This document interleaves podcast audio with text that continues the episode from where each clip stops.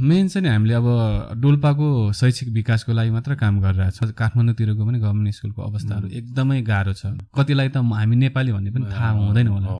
त्यहाँको अब कति मान्छेहरू केवल घाँस बाँस कपासको लागि मात्र यत्रो दुःख गर्दैछ छैन। मैले भने नि समुदायहरूलाई आफ्नो गाउँमा विद्यालय छ भन्ने नै थाहा छैन हिजो मैले एउटा कुरा यही गर्दाखेरि त्यही भनेको थिएँ कि पहिलो त हामीले आफ्नो मान्छेलाई टेक केयर गर्नु पऱ्यो अहिले सोध्छ डोल्पा नै किन? भनेर? म भन्छु मैले डोल्पा होइन डोल्पाले मलाई छानेको। छानेको। त्यो चाहिँ खास टिचर बन्ने पनि मेरो एम थिएन। त्यसमा हामी हिउँमै सुत्नु पर्यो। त्यो जाँदा जाँदै ढ्याक्क मेरो। मुखैमा चाहिँ। त्यो अनुभवहरू पनि छ।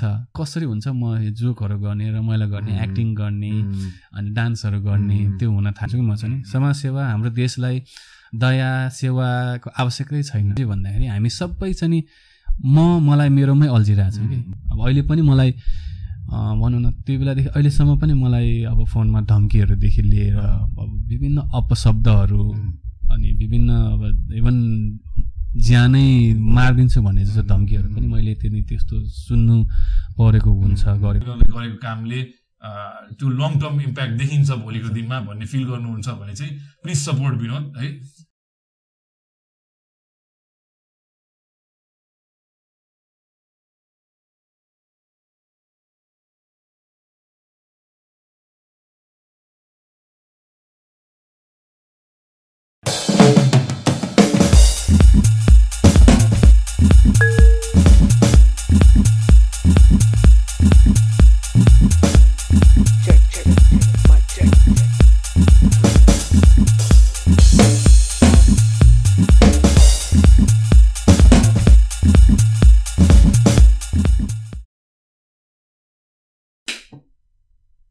Good morning welcome to another episode of मेरो दुई पैसा। आज एउटा फुल सर्कल आएको अनुभव भएको छ। लास्ट इयर पोस्ट दसैँ मलाई एउटा यो कन्फर्म एउटा आफूलाई एउटा फिलिङ आएको थियो कि म यो मेरो दुई पैसा प्रोजेक्टलाई चाहिँ म फेरि यसलाई रिभाइभ गर्छु र अब चाहिँ म आफू एक्लै म यहाँ अडियोमा चाहिँ फर्मेटमा गरेर आउँथ्यो। अब गेस्ट पनि बोलाउँछु साथीहरूलाई बोलाउँछु कुरा गर्छु समसामयिक विषयमा भन्दाखेरि चाहिँ पहिलो गेस्ट मेरो मैले first person I thought of to invite was Vinod Vinod चाहिँ आज हामीसँग हुनुहुन्छ। र त्यसको ठ्याक्कै आज एक वर्ष पनि कम्प्लिट भयो। मेरो पनि एउटा माइल स्टोन जस्तो फिल भइरहेछ मलाई किनभने त्यहाँ त्यतिखेर एउटा सानो क्यामेरा विनोद र म एउटा कोठामा बसेर दुईजना साथी जसरी बसेर गफ गरेर लाइभ गरेको थियौँ। सो आजको पडकास्टमा I want to welcome Vinod Sai विनोदलाई बुझाउँदा अ, चिनाउँदाखेरि चाहिँ सर अफ द हिमालयज भनेर चिनिन्छ। र उसको स्टोरी को कुरा गर्दाखेरि चाहिँ म नेपाल फर्किने क्रम याद आउँछ मलाई दुई हजार एघार बाह्रतिरको समय जहाँ चाहिँ इन्टरनेटको पेनिट्रेसन अझ अहिले जस्तो थिएन। तैपनि मैले आर्टिकल्सहरू पढ्दाखेरि चाहिँ आई फेल अक्रस एउटा आर्टिकल जुनमा चाहिँ विनोदको विषयमा लेखिएको थियो र मलाई एकदम इन्सपायरिङ लागेको थियो। म आफै इन्सपिरेसन खोजिरहेको थिएँ नेपाल फर्केको कस्तो काम गरौँ के गरौँ भनेर सोच्दाखेरि जे काम विनोदले गरिरहेको थियो विनोदले त्यति दुःख गरेर गर्न सक्छ भने मैले त यहीँ काठमाडौँ बसेर त निकै कुरा गर्न सक्छु भन्ने मलाई एउटा फिलिङ आएको थियो। सो त्यहाँबाट सुरु गरौँ। विनोदले चाहिँ तपाईँलाई चिन्ने मान्छे पनि होला नचिन्ने नि होला। नचिन्नेलाई सोचेर चाहिँ तपाईँ के गर्नुहुन्छ? तपाईँको अलिकति ब्याकग्राउन्ड त्यो इन्ट्रोडक्सन जस्तो। नमस्ते सबै दुई पैसा मेरो दुई पैसाको दर्शकहरू सबैलाई चाहिँ नमस्ते। मेरो अब सानो परिचय दिनु पर्दाखेरि चाहिँ नि म विनोद साई। म काठमाडौँको नेवार। विगत पन्ध्र वर्षदेखि चाहिँ नि नेपालकै या सं सायद संसारकै सबभन्दा दुर्गम ठाउँमध्ये एक अप्पर डोल्पामा चाहिँ नि हामीले अब स्पेसली त्यहाँको शैक्षिक विकासको लागि चाहिँ काम गर्दैछौँ। सो आफूलाई अभियन्ता नै सोच्नुहुन्छ एउटा शिक्षक सोच्नुहुन्छ? कसरी? अभियन्ता नै म आफूलाई अभियन्ता नै ठान्छु। किनभने मैले बच्चाहरूलाई मात्र पढाउने नभएर चाहिँ नि। अब हाम्रो समाज हाम्रो देशलाई स्पेसली हाम्रो ठाउँको लागि हामी आफै जिम्मेवार हुनुपर्छ। च्यारिटी भन्दा पनि अब रेस्पोन्सिबिलिटी रेस्पोन्सिबिलिटी नै हाम्रो देश अगाडि बढ्छ भन्ने चाहिँ लागिरहेको छु। त्यो फन्डामेन्टलमा। एउटा एउटा म पडकास्टहरू सुनिरहने भएर सो त्यसलाई चाहिँ अभियन्ता भनिएला नेपालीमा। अहिले वेस्टर्न कल्चरमा चाहिँ थट लिडर भन्ने एउटा टर्म आएको छ। सो विनोद एउटा थट लिडर चाहिँ हो कि। उहाँको भनाइको अनुसार चाहिँ जुन हाम्रो एउटा मेन्टालिटी छ जुन अरूमा डिपेन्ड हुने मैले हिजो पनि अलिक तिखो स्वरमा दुई तिनवटा विषयमा यो कुरामा आवाज उठाएको छु कि हामी आफै खुट्टामा उभिन सक्ने एउटा जुन सोच राख्न सक्नुपर्छ। अनि मात्रै हामी सभर्निटीको कुरा होस्। अरू सबै चिजमा हामी स्ट्रङ हुन्छौँ भन्ने सोच हो। विनोदले कुन कुन जिल्ला आ, म, मा चाहिँ अहिले काम गरिरहनु भएको छ? कतिवटा स्कुल छ? अलिकति त्यस्तो स्ट्याटिस्टिक्सको कुरा चाहिँ। मेन चाहिँ हामीले अब डोल्पाको शैक्षिक विकासको लागि मात्र काम गरिरहेछौँ डोल्पा मात्रै हो। डोल्पा जिल्ला मात्रै। अँ, अरू अब मुगु यताउतामा एउटा दुइटा गाउँहरूमा हामीले केही केही सानोतिनो स्टेसनरीहरू सपोर्ट गरिरहेको छौँ। अरू अरू अरू जिल्लामा पनि आवश्यक परेको अनुसार हामीले कहिले अलिअलि गरिरहेको हुन्छौँ। तर मेन हाम्रो फोकस डोल्पा नै हो। डोल्पा र काठमाडौँ भनौँ तर कस्तो छ न डोल्पाको शैक्षिक विकास हो तर त्यसको लागि चाहिँ हामीले नेपालभरिको र सँगसँगै बाहिर विदेश बस्ने सबै नेपालीहरूलाई चाहिँ सहभागी गराउँदैछौँ। जस्तो म यहाँ अहिले मेरो बाबुको स्कुलको लागि म यसो रिसर्च गरिरहेको हुन्छु काठमाडौँमा एउटा एक कक्षामा पढाउनलाई अहिले यहाँ पाँच लाख पर्ने स्कुल पनि छन् र यही देशमा हाम्रो कस्तो स्कुल छ त कस्तो परिस्थिति छ सिजनल स्कुल हो अझ। यही यही देशकै बच्चाहरूको स्थिति के छ? अलिकति हाम्रो यङ अडियन्सलाई चाहिँ साक्षात्कार गराइदिनु पर्यो। हाम्रो वेस्टर्न नेपालको स्कुलहरूको स्थिति कस्तो छ अहिले? अब शिक्षाको अवस्था स्पेसल्ली नेपालको धेरै दुर्गम ठाउँहरू स्पेसली गभर्मेन्ट स्कुलहरू इभन सहर काठमाडौँतिरको पनि गभर्मेन्ट स्कुलको अवस्थाहरू एकदमै गाह्रो छ। गाह्रो इन सेन्स कस्तो भन्दाखेरि अब एउटा त समुदायहरू प्यारेन्ट्सहरू चाहिँ नि त्यति अवेर छैन हाम्रो बच्चालाई पढाउनु पर्छ के गर्नुपर्छ भन्ने छैन। र सँगसँगै चाहिँ नि त्यो अब डोल्पा जस्तो दुर्गम ठाउँको विषयमा कुरा गर्नु पर्दाखेरि चाहिँ नि जुन किसिमको त्यहाँको दुर्गमता विकटता छ मैले भने नि कति अब भनौँ अप्पर डोल्पाको मान्छेहरूले नेपाली भाषा पनि बोल्न कतिलाई त हामी नेपाली भन्ने पनि थाहा हुँदैन होला। अनि त्यो अवस्थामा अब जुन हामीले स्कुलहरू चालिस वर्ष अगाडिदेखि खोलेको कति स्कुलहरू बन्द अवस्थामा थियो। मैले आफैले एउटा दुईवटा स्कुलहरू त्यो बन्द भएको स्कुलहरू खोल्यो अरूले पनि खोल्न थाल्यो। तर स्टिल चाहिँ नि कस्तो छ भन्दा पहिला पहिला त अझ स्कुल बालबालिकाहरूलाई स्कुल पनि पठाउँदैन भनेपछि अवेरनेसबाट नै गाह्रो छ भनेको हजुर। चेतनाको कुराबाट। हजुर भन्ने। हाम्रो अब त्यहाँको संस्कृति धर्म सबै कुराहरू। हामी यता अरू नेपालको अरू। पार्ट भन्दा पनि। फरक छ। प्राय। सबै हिमालयन रिजनको चाहिँ नि। अलि टिबेटन मूलको छ। सो भाषा पनि प्रब्लम छदेखि। लिएर। भनौँ न त्यहाँको जनजीवनै अर्कै किसिमको छ। किनभने त्यहाँको अब कति मान्छेहरू केवल घाँस बाँस कपासको लागि मात्र यत्रो। दुःख गर्दैछ भने चाहिँ त्यो पढाइ अरू विकासको कुराहरू भनेको त त्यो प्राथमिकतामै पर्दैन। त्यो अवस्थाले गर्दाखेरि चाहिँ नि अब एजुकेसनको अवस्था। गाह्रो छ। अर्को कुरा अब सरकारलाई हामी दोष दिन्छौँ। चालिस वर्षदेखि खोलेको स्कुलहरू बन्द अवस्थामा थियो। अब कति स्कुलहरू अब खुल्दैछ खोलिसकेको छन् होइन? तैपनि त्यो अवस्थाहरू अझ पनि त्यति सुधार चाहिँ भएको छैन। र हामी म लगायत मेरो टिमले चाहिँ सक्दो कोसिस गर्दैछौँ। त्यहाँ गर्नलाई त्यहाँको स्थानीय मान्छेहरूसँगै गभर्मेन्ट टिचरहरूसँग चाहिँ हामीले गर्दैछौँ। र जस्तो म विनोदलाई यहाँ टोक्छु कि अब हामी सुन्छौँ शिक्षाको लागि सर्टन पर्सेन्टेज बजेटमा नि छुट्टाएको हुन्छ। यत्र एड्सहरू आउँछन् नेपालमा। विनोदको यो विषयमा चाहिँ कस्तो अनुभव छ? किन त डोल्पा त्यसरी पिछडियो अथवा निग्लेक्ट भयो कनेक्टिभिटी केही इस्युले हो त? त्यो मात्र चाहिँ नि होइन। खास अघि भने जस्तै सबभन्दा ठुलो त अब समुदायहरू नै त्यति सचेत छैन। मैले भने नि समुदायहरूलाई आफ्नो गाउँमा विद्यालय छ भन्ने नै थाहा छैन। एउटा कुरा किसिमले ग्रास रुटबाटै डिमान्डै छैन। छैन छैन. अनि जो हामी रेस्पोन्सिबल मान्छेहरू छ उहाँहरू रेस्पोन्सिबल छैन वास्तवमा। जसले चाहिँ हेरिदिनु पर्ने। जसले हेर- हेरिदिनु पर्ने जसले गरिदिनु पर्ने हो अनि रिसेन्ट तपाईँको चाहिँ नि केही महिना अगाडि चाहिँ नि अब यो न्यु- न्युज पेपरहरूमा पनि आएको थियो। होइन हामीले कति मिलियन डलर चाहिँ नि कति मिलियन रुपियाँ चाहिँ नि हामीले चाहिँ सर के अरे एजुकेसनमा लगाएको छौँ। तर पनि कतिलाई बेसिक म्याथ्सहरू पनि आउँदैन बेटी अब कति साइन्सको कुराहरू पनि त्यति थाहा छैन। किनभने हामीले धेरै पैसाहरू खर्च गरिरहेको छौँ। टोटल बजेटको around twenty ten percent nine percent चाहिँ हामीले चाहिँ एजुकेसनमा लगाएको छौँ। तर आउटकम के त? अनि त्यो लगाएको कुराको क- क- केहीसम्म भइरहेछ भन्ने अँ। त्यति मूल्याङ्कन त्यति अनुगमन त्यो आउटकम कति आएछ त्यो हेरेको छैन। वास्तवमा हेर्ने हो भने अवस्था एकदमै नाजुक छ। हामी अहिले एउटा जुन कन्ट्रोभर्सीमा छौँ नि इन्डियासँग बोर्डर रिलेटेड हिजो मैले एउटा कुरा यही गर्दाखेरि त्यही भनेको थिएँ कि पहिलो त हामीले आफ्नो मान्छेलाई टेक केयर गर्नु पऱ्यो नि। किनभने एउटा कन्ट्री नेसन भएपछि त्यसको फन्डामेन्टल चिज भनेको त्यहाँभित्रका मान्छे हो त्यो भूभागभित्रको। यहाँ चाहिँ त्यो यस्तो ड्रास्टिक ग्याप देखिन्छ काठमाडौँ अथवा कुनै पनि विकसित ठाउँ भनेर। अब उनीहरू तल आउनेवाला त छैन उनीहरूको तिमीले भने जस्तो लाइफस्टाइलै अर्कै छ।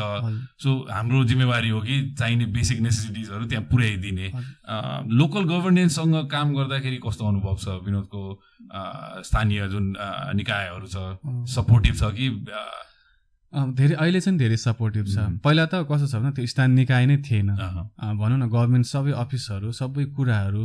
अब त्यो तल सदरमुकाम अह, तिर नै मात्र।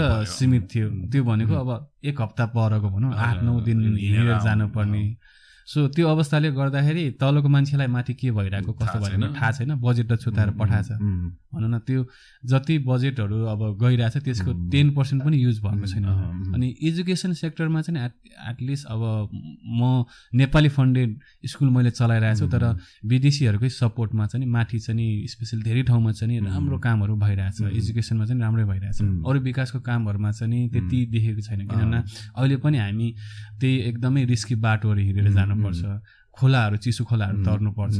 परिस्थिति त्यस्तै छ। जोखिम छ। कति मान्छेहरू त्यो हिउँमा फसेर बितेको स्टोरीहरू छ। हामी आफै पनि कति फस्यौँ। सो विकासको धेरै कुराबाट चाहिँ तिनीहरू वञ्चित नै छन्. मैले मैले भन्छु नि मैले भनौँ न उनीहरूलाई हामी नेपाली भनेर थाहा थिएन किन भन्दाखेरि गभर्मेन्टबाट के के आउँछ के के पाउँछ. भन्ने कुरा उनीहरूलाई थाहा छैन। अनि लिटरली हामी केही निकै ठुलो कालखण्ड पछाडि सोच्दाखेरिको मान मानव सभ्यता जसरी त्यो हाम्रै देशभित्र बसिरहेको छ त्यो अहिले पनि बाह्रौँ। शताब्दीमा जस्तै त्यहाँको. मान्छेहरू एकदमै दुःख गर्दैछ. अब गाह्रै छ भनौँ। अहिले जुन विनोदले झन्डै पन्ध्र वर्ष यो काम गरिसक्नुभयो जुन एउटा एक किसिमको आउटरिचै हो र ढोल्पै किन छो छान्नुभयो त त्यो निर्णय कसरी आयो मलाई क्षितिजले नि सोधेको थियो प्रेरणा कहाँबाट आयो दाइलाई सोध्नु भन्थ्यो अब यो कोइन्सिडेन्ट हुनु कि के भनौँ सबैले सोध्छ डोल्पा नै किन? भनेर। म भन्छु मैले डोल्पा होइन डोल्पाले मलाई छानेको। किन भन्दा अब म अब काठमाडौँमै अब काठमाडौँ उपत्यकाबाट म कहिले बाहिर गएको थिएन मलाई मेरो ठाउँबाट सात मिनट पाँच छ पाँच छ मिनट परको त्यो सपिङ जानु पर्दाखेरि पनि म साथी चाहिन्थ्यो एक्लै जानु डर लाग्थ्यो। मैले मेरो त्यो मेरो टुल भन्दा माथि कहिले गएको थिएन म होइन? तर के भन्ने अब मैले काठमाडौँको एकछिन कुन टोलमा म पुरुङखेल नरदेवी नजिकै पुरुङखेल छैन। त्यहाँ त्यहाँ हुर्केको मान्छे त्यहाँ त्योबाट असन भनेको पाँच मिनट छ भने। असनसम्म पनि। पुगेको थिएन भनौँ न। सो त्यस्तो त्यस्तो अवस्थाको मान्छे म समाजसेवामै लागिरहेको थिएँ र स्पेसली मेरो चाहिँ मेन मेन फिल्ड भनेको चाहिँ पेन्टिङ ड्रामाहरू गर्थेँ म एक्टिङहरू गर्न मन लाग्थ्यो पेन्टिङ। हजुर। त्यो सबै छाडेर मैले चाहिँ खास टिचर बन्ने पनि मेरो एम थिएन। तर जब मैले डोल्पाको बच्चाहरू काठमाडौँ आएको छ भन्ने खबर मेरो एउटा छिमेकी दिदी टिबिटन दिदी हुनुहुन्थ्यो उहाँबाट सुनेपछि मैले चाहिँ खास जोइन गरेको बच्चाहरूसँग। First connection with Dolpa was meeting children from Dolpa. हजुर.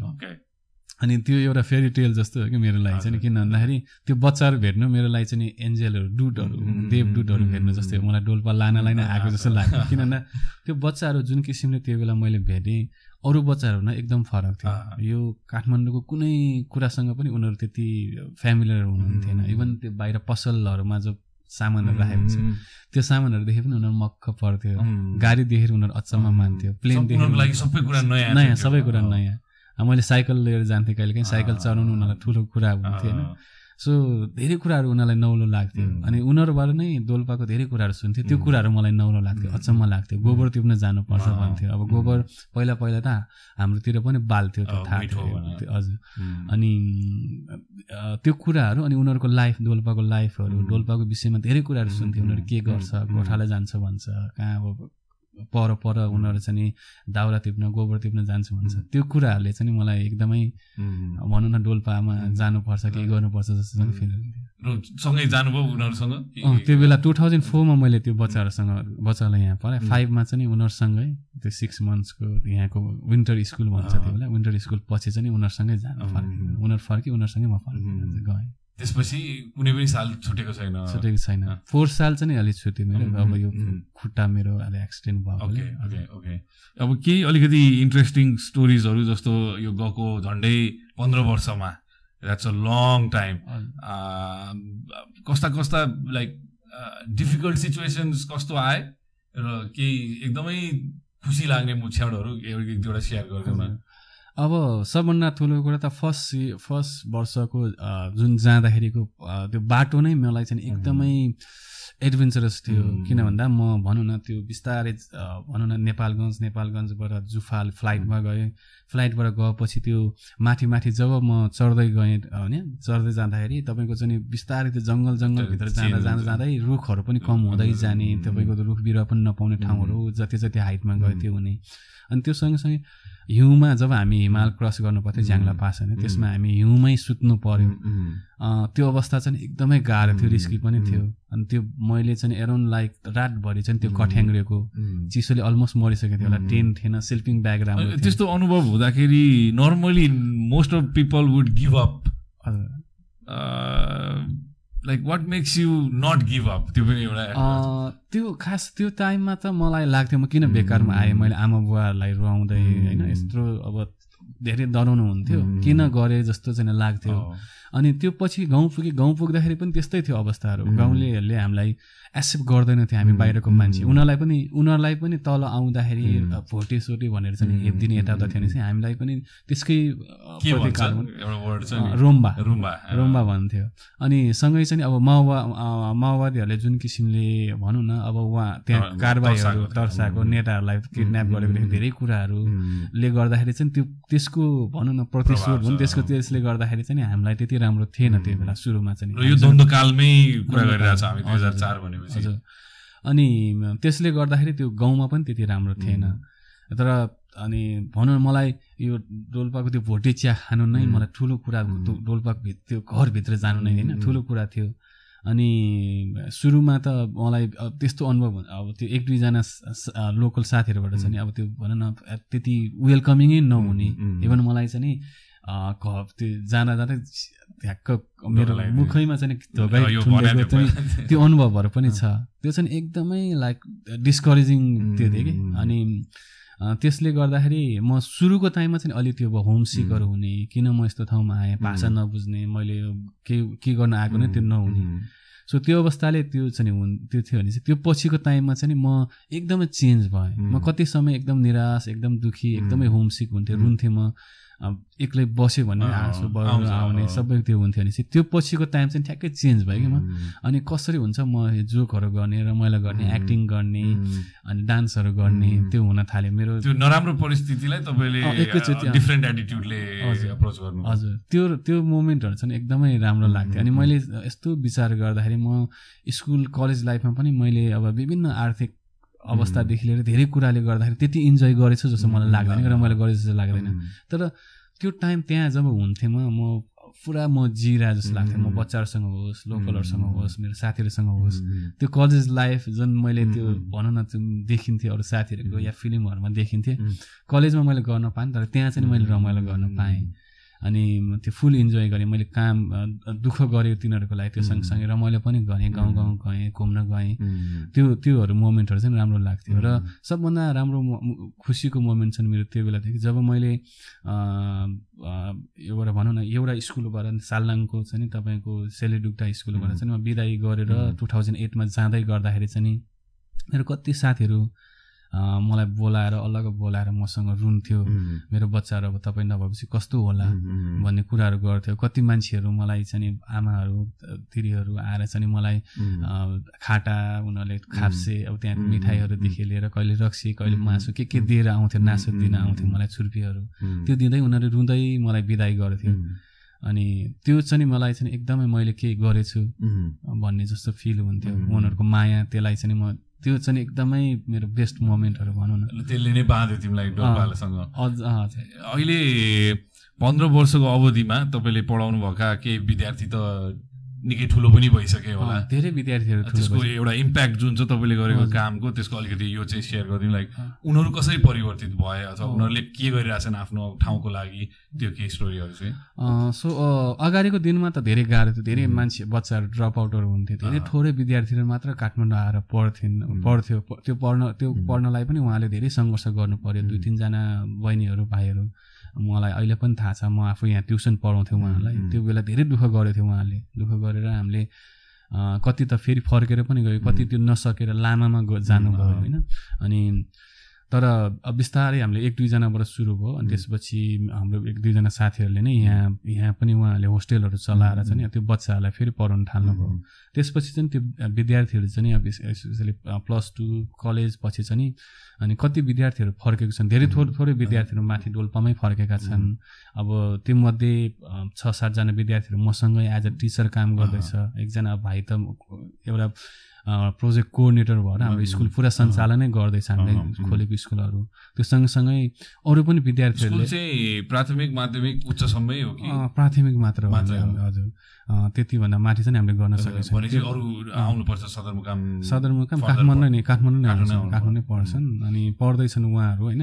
हामीले चाहिँ नि अब अहिलेलाई त तिनजनालाई मात्र सपोर्ट गरिरहेको छौँ तर बाँकी अरू चाहिँ उहाँहरूको आफ्नै अब पहिलाको स्कुलहरूमा त विदेशी डोनेसन डोनरहरू सपोर्टहरू थियो उहाँको थ्रुमा हाम्रो अरू साथीहरूले नै गरेर पढ्दैछन्। अनि त्यो मध्ये एउटा विद्यार्थी चाहिँ नि वडा अध्यक्ष नै भन्नुभएको छ। अरू विद्यार्थीहरू पनि विभिन्न फिल्डमा चाहिँ उहाँहरूले केही न केही गर्दै हुनुहुन्छ। विनोदले गरेको कामको अहिले इमिडिएटली नै अलरेडी पनि इम्प्याक्ट देखिन थालिसक्यो र यसको भोलि लङ टर्ममा इम्प्याक्ट देखिन्छ। किनभने त्यहाँको अहिले बच्चा बच्ची ग्रो अप भइसकेपछि चाहिँ डोल्पामा कस्तो। केही सबै नभए पनि केही फर्किए भन्दाखेरि त्यो पोजिटिभ साइन हो। किनभने त्यो बेला अब सुरुमा हामी जाँदाखेरि हामी बाहेक अरूले के को पढाउँछ त भन्यो। भने त्यहाँको शिक्षित जनशक्ति नै थिएन।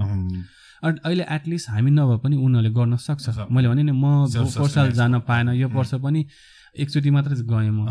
किनभने मेरो खुट्टादेखि लिएर धेरै स्वास्थ्य अवस्था आर्थिक अवस्थाले गर्दा जान पाएन। तर त्यो स्कुलहरू जुन मैले खोलेको स्कुलहरू चाहिँ चलिरहेछन् अनि त्यो नै ठुलो त्यही विद्यार्थीहरूले नै चलाए। अहिले एटलिस्ट एजुकेसनमा मात्र नभएर अरू सेक्टरमा पनि केही गर्नलाई चाहिँ त्यहाँको अब युथहरू शिक्षित जनशक्तिहरू चाहिँ म लगायत अब मेरो साथीहरू मभन्दा सिनियर साथीहरू म पछि आएको साथीहरूले गर्दाखेरि चाहिँ आइरहेछ। त्यो चाहिँ नि चेन्ज भइरहेछ। नत्र अगाडि त्यस्तो थिएन। जुन अहिले आफू आबद्ध भएको स्कुलहरूमा टिचर्सको रिक्वायरमेन्ट कति छ अहिले? धेरै छ। एउटा कस्तो छ भन्दा हामीलाई अहिले पनि अब हाम्रा कति काठमाडौँको युवाहरू कति त्यही स्थानीय मेरै स्टुडेन्टहरू गएर चाहिँ पढेर आएछन् तर अझै पनि सधैँ हामीलाई अर्को वर्ष अब कस्तो हो त टिचरहरू पुग्ला। नपुग्ला। किनभने हामीले त्यो टिचरहरूलाई हाम्रो स्पेसली हाम्रो अर्गनाइजेसनबाट गएको टि- टिचरहरूलाई स्यालेरी पनि हामीले त्यति दिन सकेको छैन। इभन उनीहरूलाई धेरै स्यालेरी पनि छैन। भोलिन्टरले काम गरेको वर्षको फिफ्टी थाउजन्ड मात्र हो। त्यति पनि हामीलाई दिन गाह्रो छ। त्यो अवस्थामा चाहिँ नि अब त्यो कन्टिन्युटी पनि अलिक गाह्रो छ। त्यो के होला त यसको लङ टर्म सल्युसन एक त लोकल नै जुन त्यहाँको स्थानीय बासिन्दा हो त्यहीँ नै एजुकेटेड भएर त्यहीँको टिचर्सहरू भयो भने एउटा हो। अर्को यो फेलोसिपमा चाहिँ जान इच्छुक छु भनेर आउने भाइ बहिनीहरू छन् कि गाह्रो छ कि। यो कुराहरू सुनेपछि तर्सिन्छन् होला। किनभने it's a very strong commitment.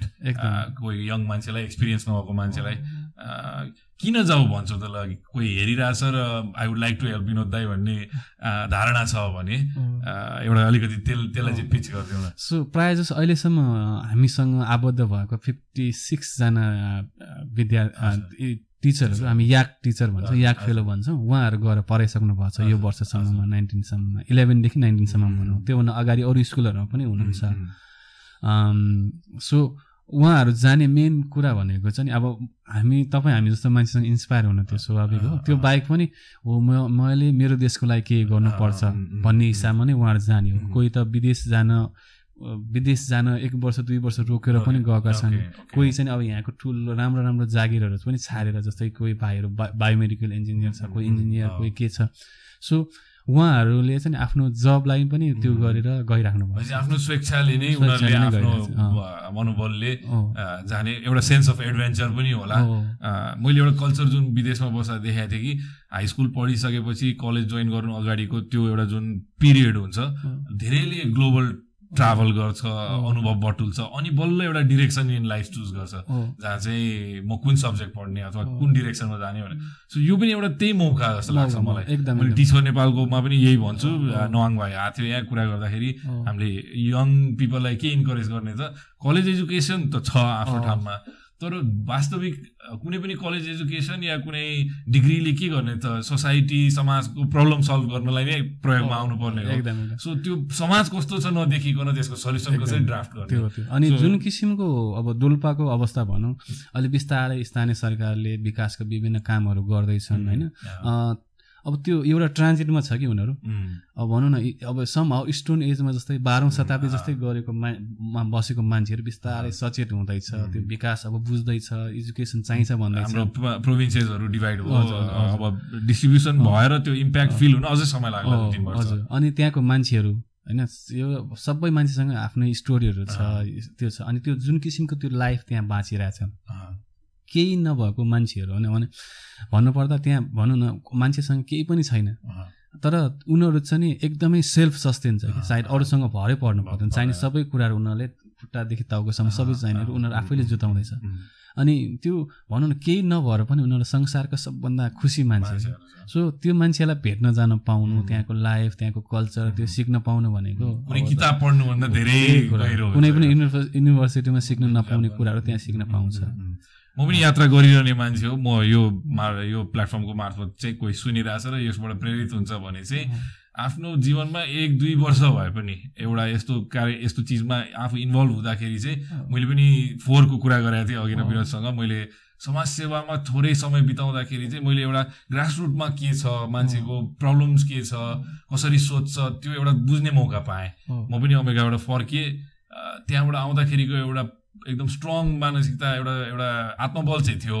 तर दिशा थिएन मलाई। कि कता जाउँ म के गरौँ के गर्ने इच्छा चाहिँ थियो त्यो दुई मैले एक दुई वर्ष गरेको सामाजिक काम प्लस मान्छेहरूलाई भेट्ने आफूलाई प्रेरणा लाग्ने मान्छेहरूसँग केही सिक्ने पाउँदाखेरि चाहिँ एउटा डिरेक्सन पाएँ मैले म मोर स्टेबल भएँ। So young people if you want to join. विनोदको वेबसाइटहरू हामी सेयर गर्छौँ अर्को म एउटा कुरा कहाँ ल्याएर जोड्छु भने डोल्पा भन्दाखेरि मलाई चाहिँ मेरो फर्स्ट एक्विन्टेन्स वाज क्याराभान थिनले तपाईँले उहाँहरूसँग पनि काम गर्ने। मौका पाउँ उहाँ पासमै हुनुभयो क्या अरे केही वर्ष अगाडि।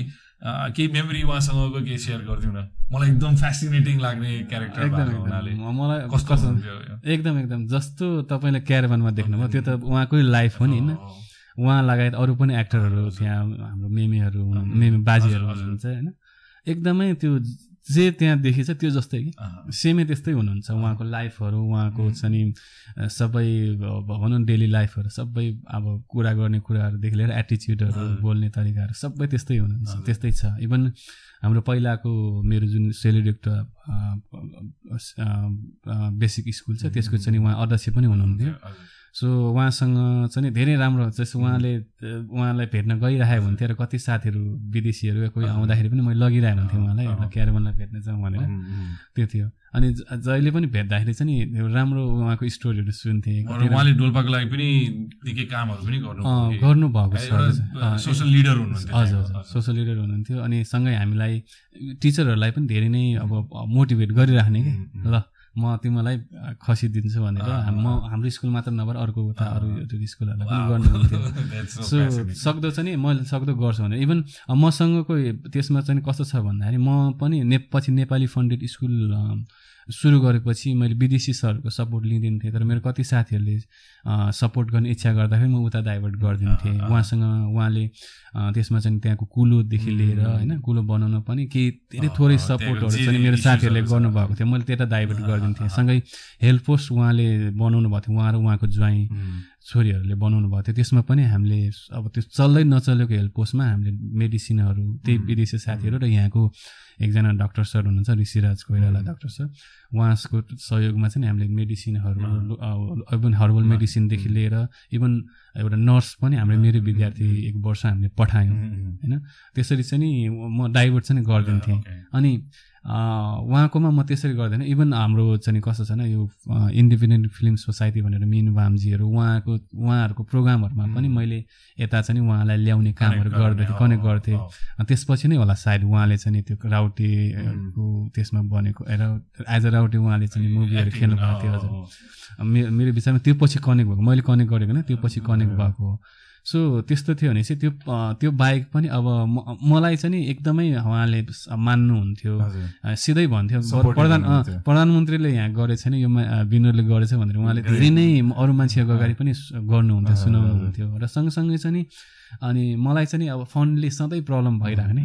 अनि हामीलाई अब फोन उठाउन टाइम लाग्दाखेरि कहिले काहीँ चाहिँ अब त्यहीँ तत्काल हाम्रो लोकल टिचरहरूलाई तलब दिनु पर्दाखेरि उहाँसँग हामी सापट सहयोग होइन सापट उहाँहरूसँग त्यति। हुँदैन थियो। तर उहाँले चाहिँ मजाले तिमीलाई लोकल ब्याङ्कै हुनुहुन्थ्यो। त्यो कहिले काहीँ तिस चालिस हजार अँ। यस्तो चाहियो भन्दाखेरि। तिसको लाखे तिस हजार तिस लाखे तिमीलाई दिन्छु। एकदमै विश्वास। तिम्रो त्यो विश्वास तिमी कहीँ भागेर जाने होइन। तिम्रो घर पनि देखेछ। म गर्छु। तपाईँले यस्तो गर्नुभएको छ म पनि गर्छु। भनेर चाहिँ गर्नुहुन्थ्यो। अनि त्यो चाहिँ धेरै ठुलो सहयोग हुन्थ्यो। इन्करेजमेन्ट पनि थियो। डोल्पाको पक्का छोरा हुनुहुन्थ्यो। विनोदले अलिकति यो फन्ड रेजिङको कुरामा टच अन गर्यो। समाज सेवा गर्नु कति गाह्रो छ विनोद? अति नै गाह्रो अति नै गाह्रो। मलाई चाहिँ कस्तो छ भन्दाखेरि समाजसेवा गर्नै हुँदैन भन्ने मान्छे स- म। र समाज सेवा हाम्रो जस्तो देशमा गर्न अझ। हजुर हजुर अति नै गाह्रो। अब स्पेसल्ली कस्तो छ भन्दा जुन किसिमले समाजसेवा चलिरहेछ एउटा समाजसेवा भनेको खाने बाटो बनाउने समाजसेवा भनेको राजनीति गर्ने बाटो. बनाउने अनि त्यो अवस्था त्यस्तै गर्न सक्यो भने सजिलै होला। होइन? मलाई पनि धेरै अफरहरू धेरै। मौकाहरू आउँथ्यो। अनि कोलाबरेट गरौँ. गरौँ खाउँ अब त्यो गर्न सकेको भए राम्रो हुन्थ्यो होला। तर मलाई चाहिँ जुन। किसिमले मैले सोचेको चाहिँ एउटा साँच्चै इम्प्याक्ट ल्याउने भने त. समाजसेवा नगरौँ भन्छु म चाहिँ समाजसेवा हाम्रो देशलाई दया सेवाको आवश्यकै छैन। हाम्रो मान्छेहरू सबै सचेत छ। तर यो समाजसेवाले गर्दा नै बिग्रिरहेको जस्तो लाग्छ। अनि जस्तो मैले अब भनौँ न त्यही समाजसेवा नगरौँ सबै मान्छे जिम्मेवार हौँ भनेर चाहिँ नेपाली फन्डेड स्कुल भनेर सुरु गरेँ। सुरु गर्दाखेरि मलाई चाहिँ के लाग्थ्यो भन्दा म जोगी हो कि म? मलाई मलाई केही पनि चाहिँदैन मलाई केही पनि एक्सपेक्टेसन छैन. तर मलाई डोल्पामा एउटा मैले एउटा तपस्या गर्दैछु त्यहाँको। शैक्षिक विकास सामाजिक विकासको लागि। त्यसमा चाहिँ सबैले मलाई साथ दियोस् भन्ने. मैले सोचिरहेको हुन्थेँ साथ दिएको छ सबैले। मलाई म यहाँ टाउकोदेखि सबै कुराहरू यो. चस्मादेखि सबै कुराहरू. अरूले दिएको नै छ. मलाई होइन कति कुरामा मलाई अरूले धेरै नै सपोर्ट गर्नुभएको छ र डोल्पाको कुरामा पनि कति साथीहरूले एकदमै मनैदेखि सपोर्ट गर्नुभएको छ तर अझ पनि धेरै मान्छेले त्यो गर्नुभएको छैन. त्यसले गर्दाखेरि चाहिँ नि धेरै गाह्रो. म जोगी बन्छु भन्ने मान्छे माग्ने भइरहेको जस्तो फिल हुन्छ. यो नेपाल नेपालीहरूकै भर पर अनि। कति साथले भन्छ नेपालीको भर परेन तिमी विचारा पात्र भयो भन्ने. कुराहरू चाहिँ गर्छ अनि मलाई चाहिँ नि अब गर्नेले गरिरहेको छ उहाँहरूप्रति. धेरै नै थ्याङ्कफुल छु तर अझ पनि धेरै मान्छेहरूले गरिराख्नु भएको छैन. किन भन्दाखेरि हाम्रो समाजहरू नै एकदमै अल्झिरहेको छ. पोलिटिकली अल्झिरहेको छ जातिवादीको रूपमा अल्झिरहेको छ रिलिजियसली अल्झिरहेको छ सो त्योभन्दा माथि चाहिँ उठेर एउटा मानवता मानवताले हेरेर चाहिँ यसलाई चाहिँ एउटा अपर्च्युनिटी. एउटा देशको दुर्गम ठाउँको लागि केही गर्ने. अपर्च्युनिटीको. रूपमा लिएर चाहिँ गरोस् भन्ने चाहिँ मैले चाहन्थेँ ठुल्ठुलो मान्छेहरू भेटेँ होइन अब उहाँहरूबाट कति निराशाहरू आउँछ बरु. मलाई सानो बच्चाहरू आमाहरूले. यस्तो मनैदेखि सहयोग गर्नुहुन्छ. साथ दिनुहुन्छ सो त्यो अवस्थाले गर्दाखेरि चाहिँ अब मेरो त अवस्था त धेरै गाह्रो छ। म त फेरि मैले भने नि मलाई त त्यो अवस्थादेखि किनभने मैले चुज गरेको यो लाइफ हो। मलाई अहिले भने नि मलाई एउटा कफी खानलाई पनि मलाई त्यति बजेट पनि छैन मसँग. कहीँ जानलाई पनि मलाई चाहिँ त्यो हुँदैन। सो स्टिल मैले चाहिँ यति हुँदा हुँदा पनि मैले अब डोल्पा जस्तो त्यस्तो दुर्गम ठाउँमा हामीले अप्पर डोल्पा लोवर डोल्पामा बाह्रवटा गाउँमा गर्न सकिरहेछौँ। सबैको साथ सहयोगमा। सक्ने रहेछ।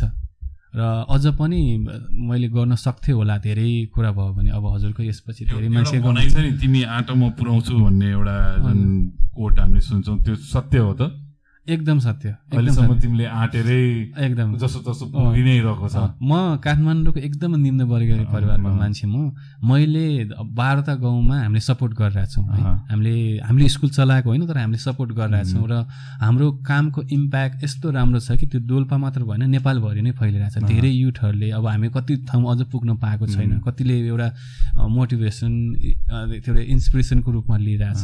किनभने जहाँ चाहिँ विदेशी सपोर्ट लिएर पनि कति ठाउँमा भएको छैन। कति देशको कति ठाउँमा भएको छैन. त्यो इम्प्याक्टहरू आएको छैन भन्ने कुरा गर्थ्यो भने चाहिँ हामीले एकदमै कम स्रोत साधनमा यस्तो राम्रो इम्प्याक्टहरू पाइरहेछ कि जसले गर्दाखेरि पढ्न नपाएको बच्चाले पढ्न मात्र पाइरहेको छैन. कति स्कुलहरू बन्द भएको स्कुलहरू अब त्यहीँको स्थानीयहरूले खोल्दैछ हामीसँग उम्. इन्सपायर भएर हामीसँगै काम गरेर. पनि कतिले आफैले पनि चेतना चेतना मान्छेको त्यो मात्र। नभएर विद्यार्थीको भनौँ न हाम्रो टिचरहरू हामीले जुन किसिमले दुःख गऱ्यौँ हामी त पुरा उनीहरूसँग एकदमै लागि पर्थ्यौँ मेरो विद्यार्थीहरूले आफ्नो हजुरबाउलाई थर्काउँथे कि म विनोद सरलाई भनिदिन्छु। के गल्ती गरेँ भने। त्यो ठुलो चेन्ज हो। हाम्रो विद्या हाम्रो टिचरहरूले यस्तोसम्म विद्यार्थीहरूलाई चेन्ज गर्छ जो विद्यार्थीहरू एकदमै झगडा गर्ने एकदमै बदमास मुख छाने। त्यस्तो बच्चाहरूलाई पनि चेन्ज गर्छ। एनिमल देख्यो भने मारिदिने सर्प देख्यो भने मारिदिने। कुकुर देख्यो भने मारिदिने चरा देखेर मारिदिने। एउटा टाइम एउटा टाइम त एउटा गाउँमा चाहिँ नि गाउँलेहरूले भन्थ्यो कि यो टाइम यो यो वर्ष चाहिँ नि बटरफ्लाईहरू बढी देख्न थाल्यो।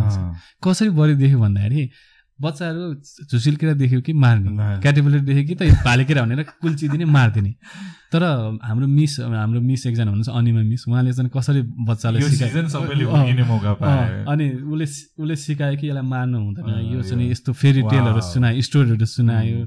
साइन्समा त्यो लाइफ साइकलहरू यसरी यसरी बटरफ्लाइ हुन्छ भनेर। सिकायो।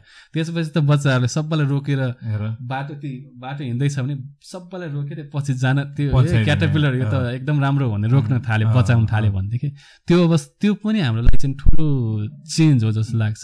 अनि जुन किसिमले यस्तो यस्तो गरेर अब गाउँको मान्छेहरू हामीलाई त खास त हामीले त्यति ठुलो काम गरेको पनि जस्तो लाग्दैन।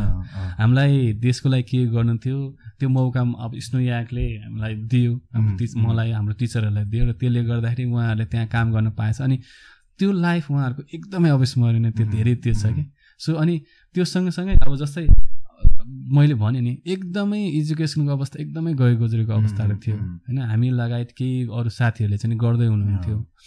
गर्दैछ राम्रै भइरहेछ तर कति ठाउँमा अवस्था एकदमै गाह्रो थियो। त्यो अवस्थामा हाम्रो टिचरहरू गएर त्यो क्लास चलाउनु नै ठुलो कुरा हुन्थ्यो। त्यो बाहेक उनीहरू त दिनभरि गएर पढाइदिने त्यो पढाउन थालेपछि विद्यार्थीहरूमा त्यो चेन्जहरू बिस्तारै देख्न थालेपछि त्यो समुदाय पनि यस्तो समय लाग्छ। कि।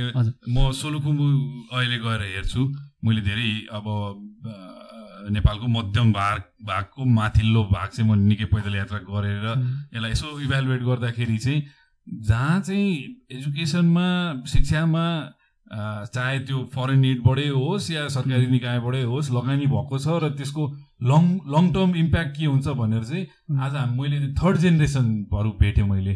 भाइ बहिनीहरू मैले एकजना अङ्कलको होटेलमा बसेको थिएँ जहाँ चाहिँ अब अङ्कलले पढ्नु भएको छैन। उहाँ। टिबेटन मुलकै मान्छे हो तर बच्चा बच्चीलाई पढाउनु भयो। र उहाँहरू पढेर आफ्नै बुवाको त्यो व्यवसायलाई उहाँहरूले अगाडि बढाएर कहाँ पुऱ्याउनु भएको छ भन्ने कुरा देख्दा मलाई चाहिँ के लाग्छ भने अहिले गरेको काम विनोदले चाहिँ इमिडिएटली सायद नदेखिएला सायद हामीलाई अझ समय लाग्ला। तर त्यसको आमूल इम्प्याक्ट चाहिँ पछि देखिन्छ। त्यही त्यो क्याटरपिलर बटरफ्लाई बुझ्ने बच्चाहरू जब ठुलो हजुर। उनीहरूको सोच सोच्ने तरिका। डिफ्रेन्ट हुन्छ। जस्तो जुन किसिमको काम तपाईँ गर्नुहुन्छ मेरो विचारमा चाहिँ म पनि सैँतिस वर्ष पुगेँ। एउटा के अनुभव लाग्छ भने तपाईँले गर्ने खालको काम गर्नलाई चाहिँ तपाईँले आफैले भनिसक्नुभयो जोगी भन्ने शब्द। एक किसिमको आध्यात्मिक एउटा झुकाव चाहिँ हुनुपर्छ जस्तो लाग्छ। लाइक यो अध्यात्मको कुरामा आउँदाखेरि चाहिँ तपाईँको कस्तो खालको विचार छ? लाइक आफूलाई त्यसरी नै हेर्नुहुन्छ तपाईँले भनेर सेयर गरिसक्नुभयो हजुर। अलिकति इलाबोरेट अध्यात्म भनौँ बौद्धिसत्व बौद्धित्व भनौँ होइन सबैमा हुन्छ जस्तो लाग्छ कि उम्. कम बढी हो. बुद्धले पनि भन्छ नि सबै बुद्ध बन्न सक्छ अँ. भनेर त्यो सबैमा हुँदो रहेछ हुन्- हुन्छ अनि सायद त्यो कस्तो छ भने मान्छेले भन्छ नि तपस्या गरेपछि त्यो झन् बढ्छ। जति. हामीले चाहिँ त्यो ज्ञान अब भनौँ न विभिन्न योगहरू गरेपछि. होइन त्यो वर्ष भन्छ। सायद मलाई पनि कस्तो लाग्छ भन्दा त्यो आध्यात्मिकता सबैमा छ मसँग पनि छ। अनि जुन नर्मल मान्छेहरू जो अब यो भनौँ न अब यो सांसारिक कुरामा अल्झेको मान्छेहरूलाई चाहिँ मान्छेमा चाहिँ अलिक त्यो हुन्छ त्यो रियलाइजेसन पनि हुँदैन त्यो अवेरनेस हुँदैन। सो मलाई चाहिँ के लाग्छ भन्दा मैले स्पेसली डोल्पाले गर्दा नै यो आध्यात्मिकता मैले पाएको जस्तो लाग्छ। उम्, उम्. अनि अब किन भन्दाखेरि मैले दुइटा लाइफ जिउँदैछु। अनि मैले त्यो स्कुल कलेज त पहिले पढ्न पाएन तर यहाँबाट डोल्पा डोल्पाबाट यहाँ। मैले किन भने डोल्पा हुँदाखेरि म यहाँ धेरै कुराहरू मिस गर्थेँ। त्यो अब त्यो सम्झिन्थेँ भनौँ न प्रत्येक कुराहरू देख्थेँ। अनि मान्छेहरू पनि अब एकदमै भिन्न किसिमको भनौँ न त्यो एकदम समयभन्दा धेरै प पछाडिको मान्छेहरू र समयसँगै गइरहेको मान्छे अब भनौँ न त्यो भइरहेको मान्छेहरू। सो त्यसले मलाई धेरै कुराहरू सिक्ने बुझ्ने मौका पाएँ। र अल्टिमेटली मैले के बुझेँ भन्दाखेरि हामी सबै चाहिँ नि म मलाई मेरोमै अल्झिरहेको छु कि। यो सबै भनेको इगो एक्सपेक्टेसन एट्याचमेन्ट मात्र हो। सबै प्रब्लमदेखि लिएर दुःख सुख रमाइलो सबैको मेन जड त्यहाँ। जड त्यही हो जस्तो लाग्छ मलाई। अब यो सायद मैले म कुनै पनि धर्महरूलाई त्यति फलो गर्दिनँ। होइन म अब हिन्दू पनि हुँ बुद्धिस्ट पनि हुँ होइन अनि त्यति म फलो गर्दिनँ। तर बुद्धिस्ट फिलोसफीहरू अरू फिलोसफीहरू पनि मैले बुझ्दाखेरि चाहिँ नि अल्टिमेटली यही हो जस्तो लाग्छ।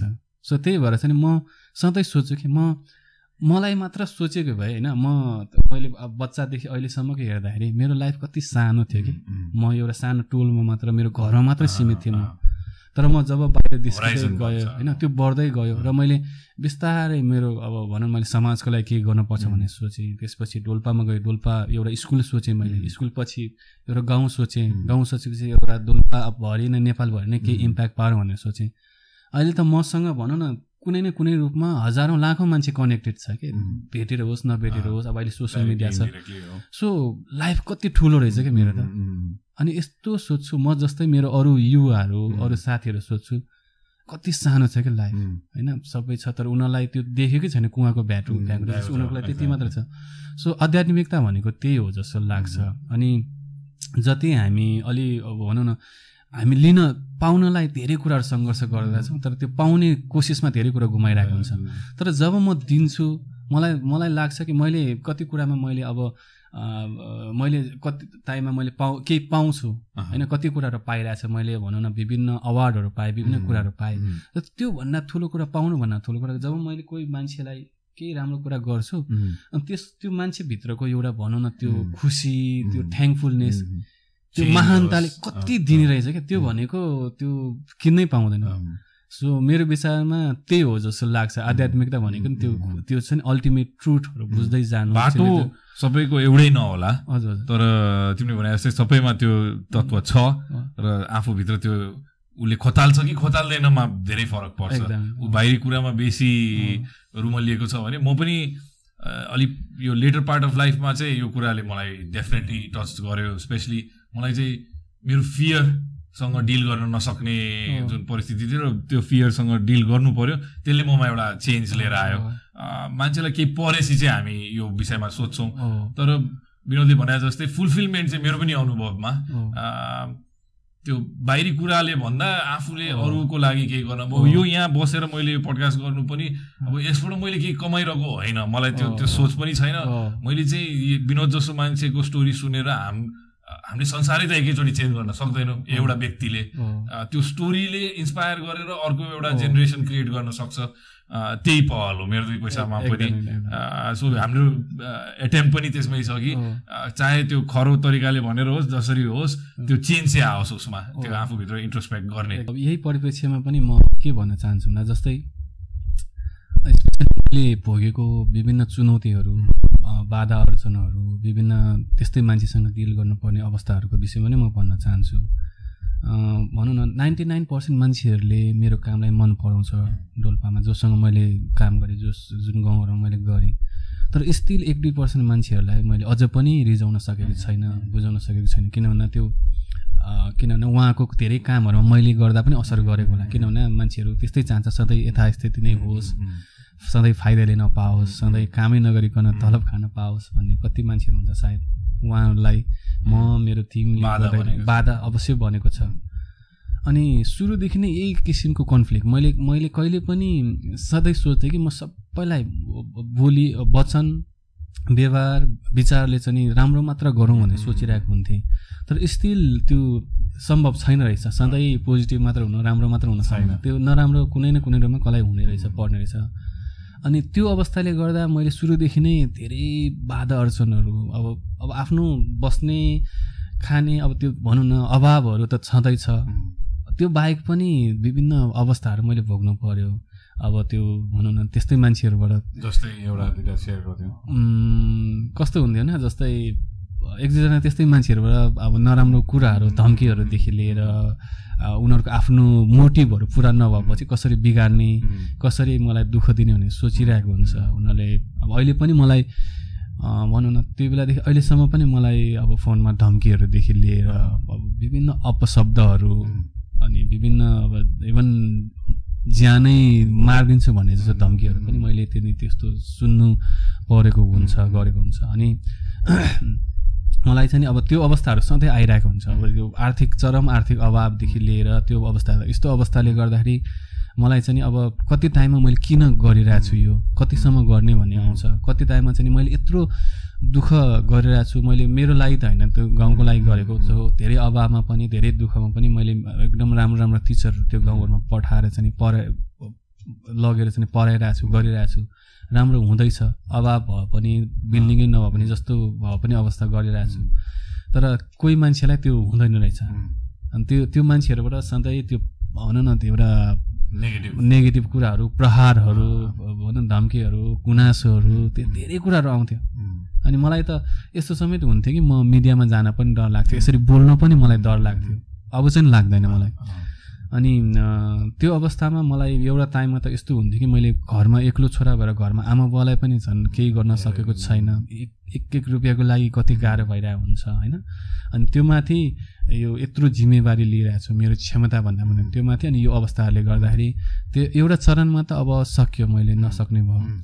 मैले मेरो सपना पनि टु टुहियो अब मेरो लाइफ पनि अब सकियो भनेर मैले सुसाइडको पोइन्टसम्म पनि पुगेँ अनि त्यो अवस्थामा मलाई मैले मैले सम्झेको कुरा त्यो धेरै थोरै समयको लागि त्यो आयो तर त्यो एकदम डरलाग्दो त्यो अवस्था थियो कि त्यो मोमेन्ट थियो अनि तर मैले ठ्याक्कै त्यो बेला चाहिँ मैले विभिन्न अब जस्तै साथीहरू जस्तो कति साथीहरू बहिनीहरू भाइहरू अनि मैले चिन्दै नचिनेको कति मान्छेहरूलाई सम्झेँ। मैले मेरो अब त्यो युट्युब भिडियोहरूदेखि लिएर कहाँ कहाँ मलाई कति कमेन्ट गरेको मेरो पोस्टहरूमा राम्रो कमेन्ट गरेको मेरो म्यासेजहरूमा राम्रो म्यासेज गरेको कति साथीहरूलाई सम्झेँ। अनि त्यो सम्झेपछि चाहिँ मलाई के लाग्यो भन्दाखेरि अब भनौँ न म- हामीले यो भनौँ न यो यो आदि भरेको मात्र हामी के अरे आदि भरेको आदि खाली खाली पार्ट मात्र नेगेटिभ मात्र हेर्दैछौँ जस्तो लाग्यो। नाइन्टी नाइन पर्सेन्ट मान्छेले राम्रो छ भने यो एक पर्सेन्टको लागि मैले त्यस्तो गर्दा किन किन जाने? उनीहरूको त्यो- चाहिँ अनि यस्तो विचार गर्दाखेरि त त्यो भनौँ न मैले केही गरेर यो केही गलत गलत चाले यो एक पर्सेन्ट दुई पर्सेन्ट मान्छेको प्रभावमा परेर भने चाहिँ मैले त नाइन्टी नाइन पर्सेन्ट मान्छेलाई रोक्ने छु कि? नेपालमा हुनै सक्दैन। नेपालमा राम्रो काम गर्यो भने विनोद विनोदको जस्तै यस्तो सुसाइडको पोइन्ट नेगेटिभ नराम्रो इक्जाम्पल सो त्यो कुराले चाहिँ मलाई यस्तो रियलाइज गर्यो कि होइन? सो हामीले चाहिँ अब भनौँ न नराम्रो राम्रो राम्रो नराम्रो दुवै कुरा आउँछ। तर एक्सेप्टेन्स हामीले राम्ररी जसरी राम्रोलाई जसरी एक्सेप्ट गरेछ नराम्रोलाई किन एक्सेप्ट नगर्ने? त्यो पनि त हाम्रो लाइफ पार्ट अफ लाइफ हो नि त। अनि सँगसँगै चाहिँ नि मलाई के पनि रियलाइज भयो भन्दाखेरि जस्तै राम्रोले भन्दा नराम्रोलाई हामीलाई अझ धेरै गर्न अझ बढी स्पिरिचुअल र स्ट्रङ बन्न धेरै सपोर्ट गर्ने रहेछ। होइन? अनि त्यसले गर्दाखेरि त्यो पछि चाहिँ मेरो चाहिँ अर्को जन्मै अर्को जन्म भयो जस्तो लाग्यो। त्यो अझ स्पिरिचुअलिटीको अर्को अवस्थामा पुगे जस्तो लाग्यो। अहिले पनि कति दुःख अवस्थाहरू आउँछ तर अब त्यसलाई म नर्मली लिन्छु।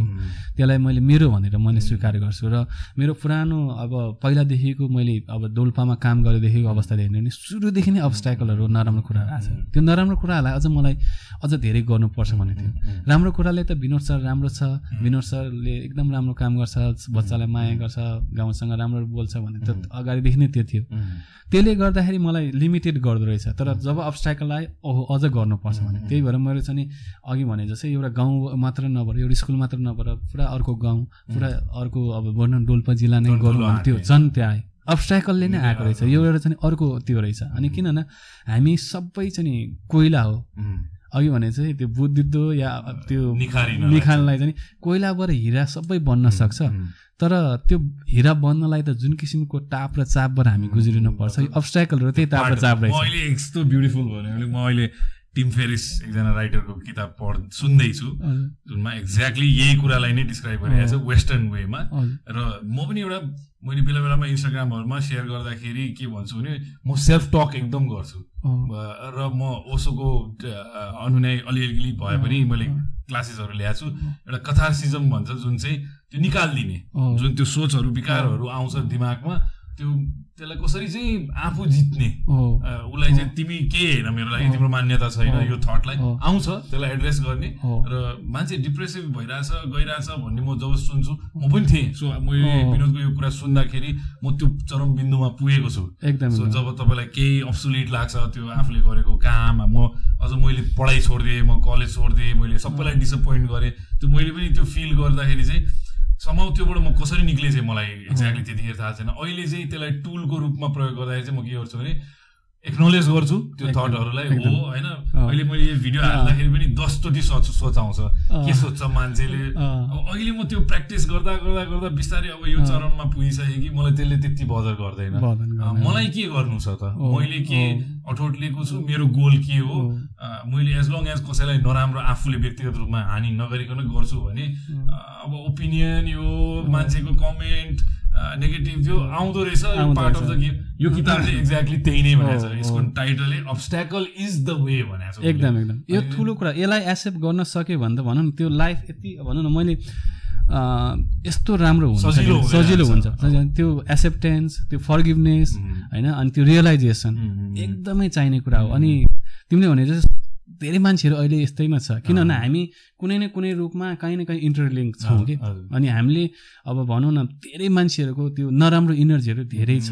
होइन हामीले सधैँ गुनासो सक्दैन छैन होइन मात्र फैलाइरहेछ भने चाहिँ त्यो अवस्थामा हामीले त्योभन्दा माथि निस्किन सक्यो भने त हाम्रो यो ठुलो यसलाई नै एकदम- ठुलो कुरा हो. तर सकेन भने चाहिँ फेरि त्यही हामी अब धेरै जसो मान्छे मानसिक रूपमा कति त्यो भइरहन्छ। सबै हुन्छ त्यो। म आफू पनि म रोगी छु मानसिक रोगी छु म। त्यो अनि त्यो स्वीकार्नु पनि पर्छ। सबै त्यो कुनै न कुनै रूपमा कुनै न कुनै बाटो खोजिँदैन त्यही हो।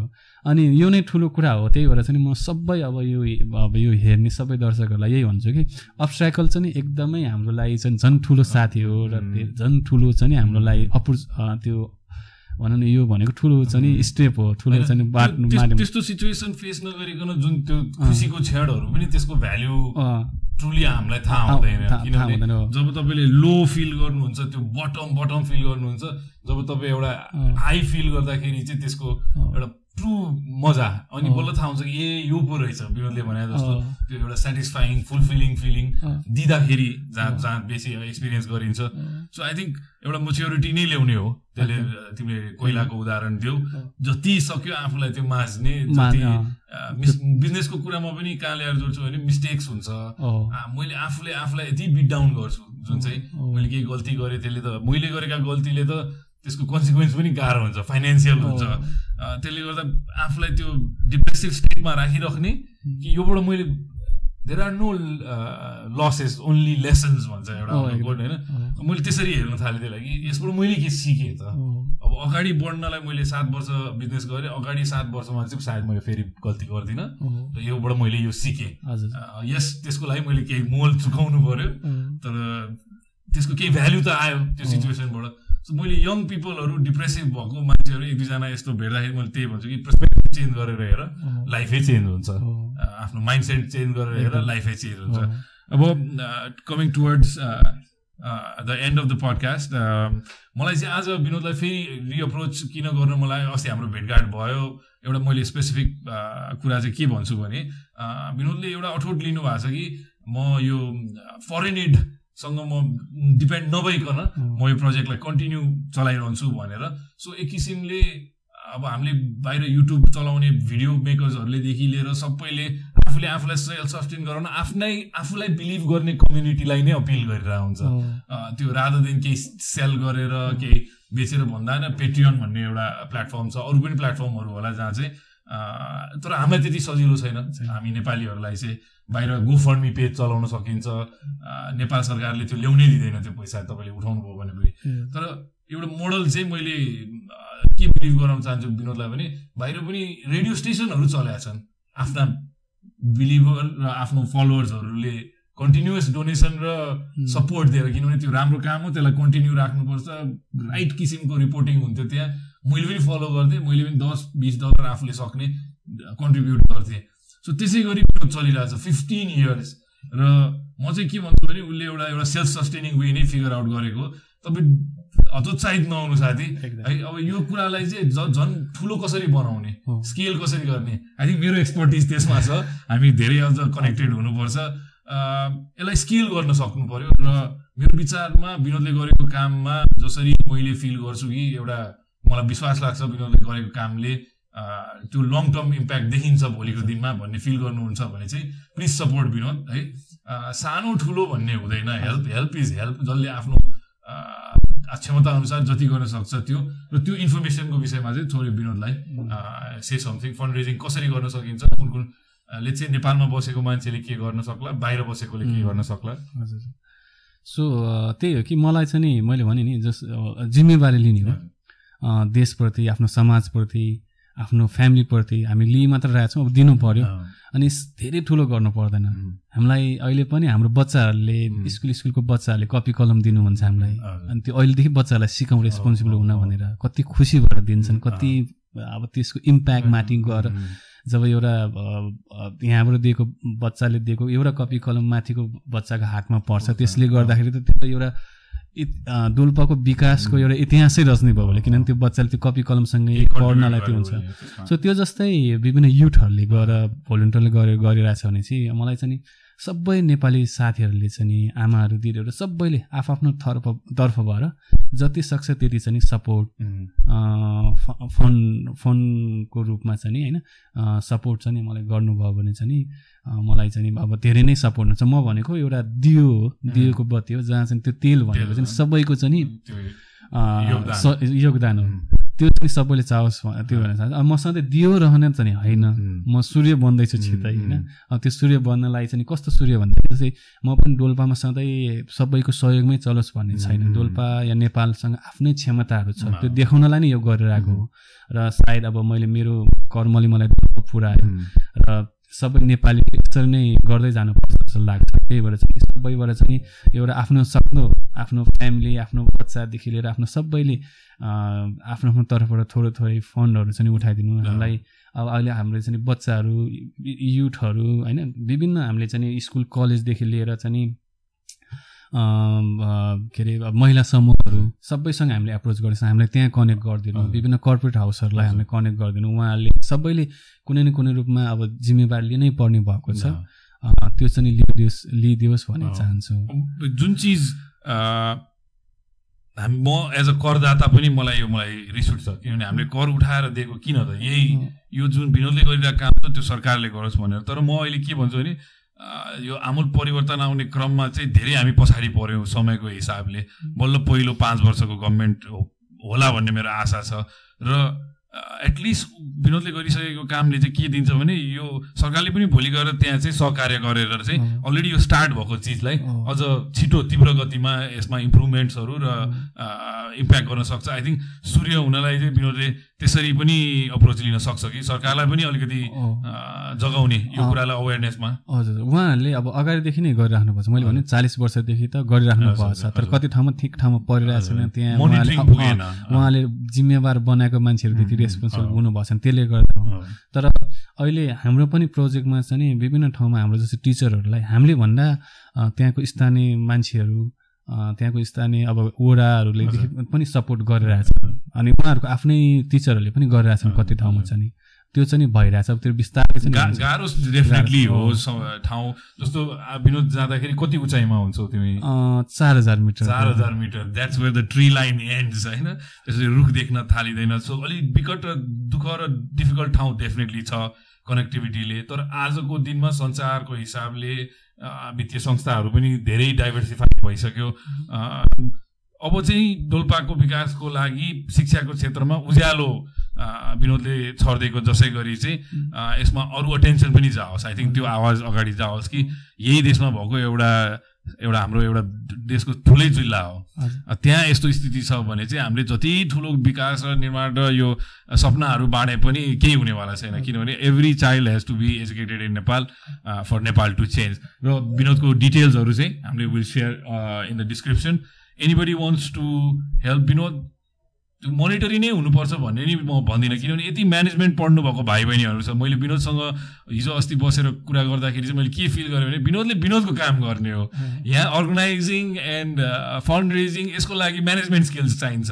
So I appeal to the management students that at least ढोल्पै जानु पर्दैन। यही काठमाडौँ बसेर पनि विनोद दाईलाई धेरै सहयोग र सहायता गर्न सकिन्छ। If you're interested we will share all the information in the description do contact Snowyak foundation र म अर्को एउटा क्लिपमा चाहिँ I will help Vinod through एउटा क्लिप जुन चाहिँ फन्ड रेजिङको लागि मात्रै हामी बनाउँछौँ सेङ द्याट आजको episode I hope you were inspired मेरो दुई पैसा signing off Ashish Adhikari bye bye Vinod bye bye एउटा। पार्टिङ वर्ड रेडमोड कफी र यो मेरो दुई पैसा तिमीलाई धेरै धेरै धन्यवाद होइन तिमी अब आशिषबाट सधैँ एउटा इन्सपिरेसन पहिला भेटीदेखि नै अब जस स्वेम्बुको सरसफाइदेखि लिएर धेरैमा पाइरहेको हुन्छ। हामी जस्ट यो राम्रो कुराहरू चाहिँ फैलाइरहेछौँ। हामी एकअर्कालाई त्यो राम्रो इनर्जी दिइरहेछौँ। त्यो जस्तै अरू सबैले पनि पाइरहेको हुन्छ। छ अवश्य पनि। अनि म फलो पनि गरिरहेको हुन्छ। सब्सक्राइब पनि गरिरहेको छु होइन। अब सबैले गर्नु होला Thank त्यसलाई you. अनि राम्रो राम्रो एउटा राम्रो प्रयास छ नि। यो मेरो दुई पैसाले गर्दैछ। यसको लागि धेरै धेरै शुभकामना। अनि सबैलाई सबै भ्युवर सबै सब्सक्राइबरहरूलाई चाहिँ नि thank you so much thank you अनि किप. In touch